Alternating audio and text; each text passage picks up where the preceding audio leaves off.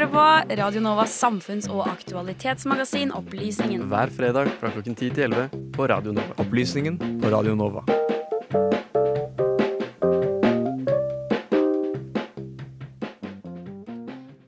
Vi fortsetter eh, sendingen med å gå over til noe så eh, enkelt som hårklipp. Eller er det egentlig så enkelt? Har dere gått til eh, frisøren i det siste? Nei. Nei. Nei, det, det var litt spontan. Jeg skulle sitte modell for venninna mi. Men uh, hun ble ikke helt god på meg når jeg så at jeg hadde slitte tupper. Ah, Så det var litt sånn spontanklipp.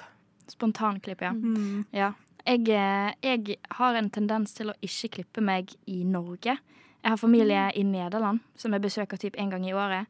Og klipper meg heller der, fordi jeg syns det er litt dyrt å klippe seg her. Det er det, altså. Ja, Men så da blir jeg liksom frisørenes verste fiende. For da går jeg bare og klipper meg en gang i året. Og jeg òg får da slitte tupper. Eh, og det er de jo ikke så glad i, som kjent. Så dere er ikke noen av de som typ går eh, en gang i måneden og får håret stusset, eller eh, Jeg Vanligvis så går jeg to ganger i måneden, altså. Eh, da tar jeg gjerne etterveksten i samme sleng. Så jeg fant ut at jo oftere jeg går, eller på en måte jo flinkere jeg er, så blir det eh, gåsetegn billigere for meg. Det er fortsatt Ja. ikke billig, da. Jeg mener, jo lenger hår du har, jo dyrere blir det. Eh, så eh, ja. Jeg vet ikke hva jeg skal si noe Nei, mer om nei, det. nei, Jeg det- blir svett av å tenke på det. Ja, det er overraskende dyrt å gå til frisøren. Noe så jeg, jeg ser for meg liksom at hvis jeg hadde prøvd, så kunne jeg klippet meg hjemme. Men jeg vet at det finnes mange sånne skrekkhistorier om skeivt hår og liksom Og tør i hvert fall ikke å bleke håret mitt hjemme, for jeg er redd for at alt håret mitt bare skal falle ut. Å, fy faen, det Altså, gjør jeg, altså. Uff, nå, det går faktisk helt inn til banne. Nå må det når snakker om hårklipp, og det blir så mange følelser inn. Ja, ja, ja, men det er jo det. Herregud. Jeg har jo gjort litt forskjellig um, gjennom barndommen, holdt jeg på å si. Både farga håret og stripa håret til mamma og søstera mi og sånt. Gjort det siden jeg var lita. Eh, så jeg har jo hatt en del eh, artige hendelser her og der. Ja. Jeg har drevet med sånn her eh, bleking, hjemmebleking, en periode når jeg hadde veldig blondt hår. Veldig fint og blondt hår. Um, Da for jeg på frisøren for at jeg ville ha hva blir det, kobberfarga hår. Um, Riktignok, da, så Jeg vet ikke, jeg tror jeg fikk panikk etter den hendelsen, så jeg for jo ikke tilbake, så det er min egen feil. Men i hvert fall resultatet var at jeg fikk appelsinoransje hår. Såpass, ja. Ja, og Ja. Da, da gikk ikke jeg tilbake, altså. Nei. Det, Um, ja. ja, forståelig nok sånn sett. Kanskje man burde gjort det for å fikse opp i det, men who cares? Ja. Eh, kan gå rundt med litt appelsinoransje hår en stund. Ja. Perioden der òg, så brukte jeg også veldig mye oransje på klærne mine. Ja. Det så, det, det så ikke ut.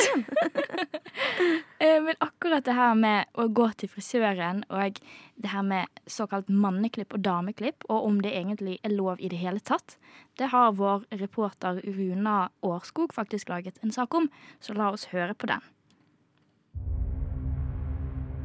15.3.2022 mottok Likestilling- og diskrimineringsombudet en klagesak som omhandlet kjønnsdelte priser hos frisører. En kvinne hadde blitt nektet herreklipp-pris på bakgrunn av at hun var kvinne, og uavhengig av hvilken klipp hun skulle ha. Resultatet kom i desember 2022, og dommen ble som følger. Å bestemme pris på klipp basert på kjønn er ulovlig. Til tross for denne bestemmelsen tilbyr flere frisører dame- og herreklipp der prisene på de to behandles ulikt. For å finne ut hvorfor så mange frisørsalonger fortsatt holder på denne praksisen, tok jeg kontakt med en rekke frisørsalonger. Og til slutt fikk jeg napp. Mitt navn er Peter von Konsbrun. Jeg har vært eh, frisør i 25 år. Vært i På håret i alle årene. Jeg er eh, utdannet både dame- og herrefrisør, og er kreativ og faglig leder her i På håret. Da. Naturlig nok var det første jeg måtte spørre om hva som var grunnen til at de deler inn i herre- og dameklipp. I første gang så er det egentlig bare for å, at det skal gjøre lettere for kunden å skjønne hva de skal bestille. Det enkleste er fordi at når en kunde skal nettbestille, så vet de hvilket produkt de skal bestille. Og da er det enklere å kalle en herreklipp en herreklipp. Og så er det jo som sagt alle disse misforståelsene som er der ute med prisforskjeller og disse tingene, da. Ja, det er egentlig bare derfor eh, man kaller det det, tenker jeg, ja. Og dette med å gjøre ting lett for kunden går igjen i flere av svarene til Peter. Han forklarer bl.a. at grunnen til at kvinner ofte anbefales å bestille lengre tid på klippen enn menn, handler rett og slett om mengden hår.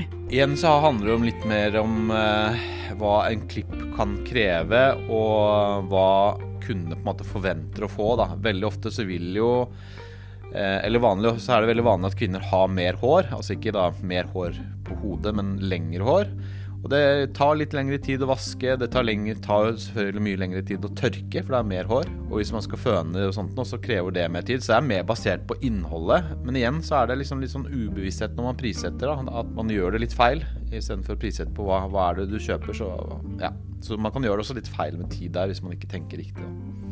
Det er viktig å påpeke at På håret var den eneste frisørkjeden jeg kontaktet som ikke lenger prissetter etter kjønn, men etter tid og behandling.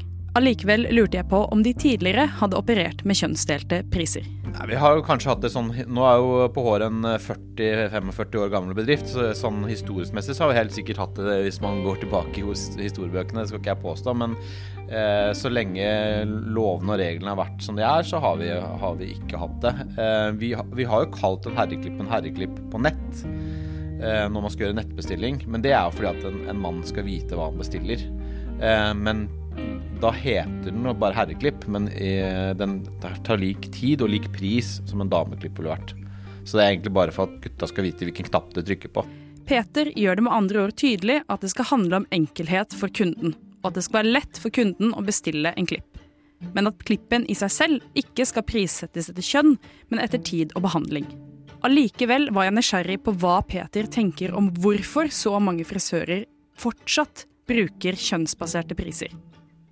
Eh, nei, hva tenker jeg om det? Nei, det er, jo, det er jo ulovlig, da. Det er jo faktisk ikke lov, så det er jo Man må jo bare ta en runde med seg selv. Men det er nok mye uvitenhet. Jeg tror ikke det er en sånn Det er nok bare liksom fra gammelt av Sånn gjorde man det gammelt av. Eh, og så er det mm, Så er det nok basert på at man ikke vet helt hvordan man prissetter. Det er litt Ja, kall det litt sånn ukunnskap, da. Eh, man trenger litt opplysning på hva som er lov og ikke lov, og hva som er riktig og ikke riktig. Det er med andre ord viktig å vite at det er ulovlig å prissette etter kjønn. Du skal få den behandlingen du har krav på, ut ifra hvilken hårklipp du skal ha. Og så er det utrolig synd at ingen av frisørkjedene som fortsatt driver denne praksisen, svarte. Og av den grunn kan vi jo bare håpe på at det handler om uvitenhet og gammel vane.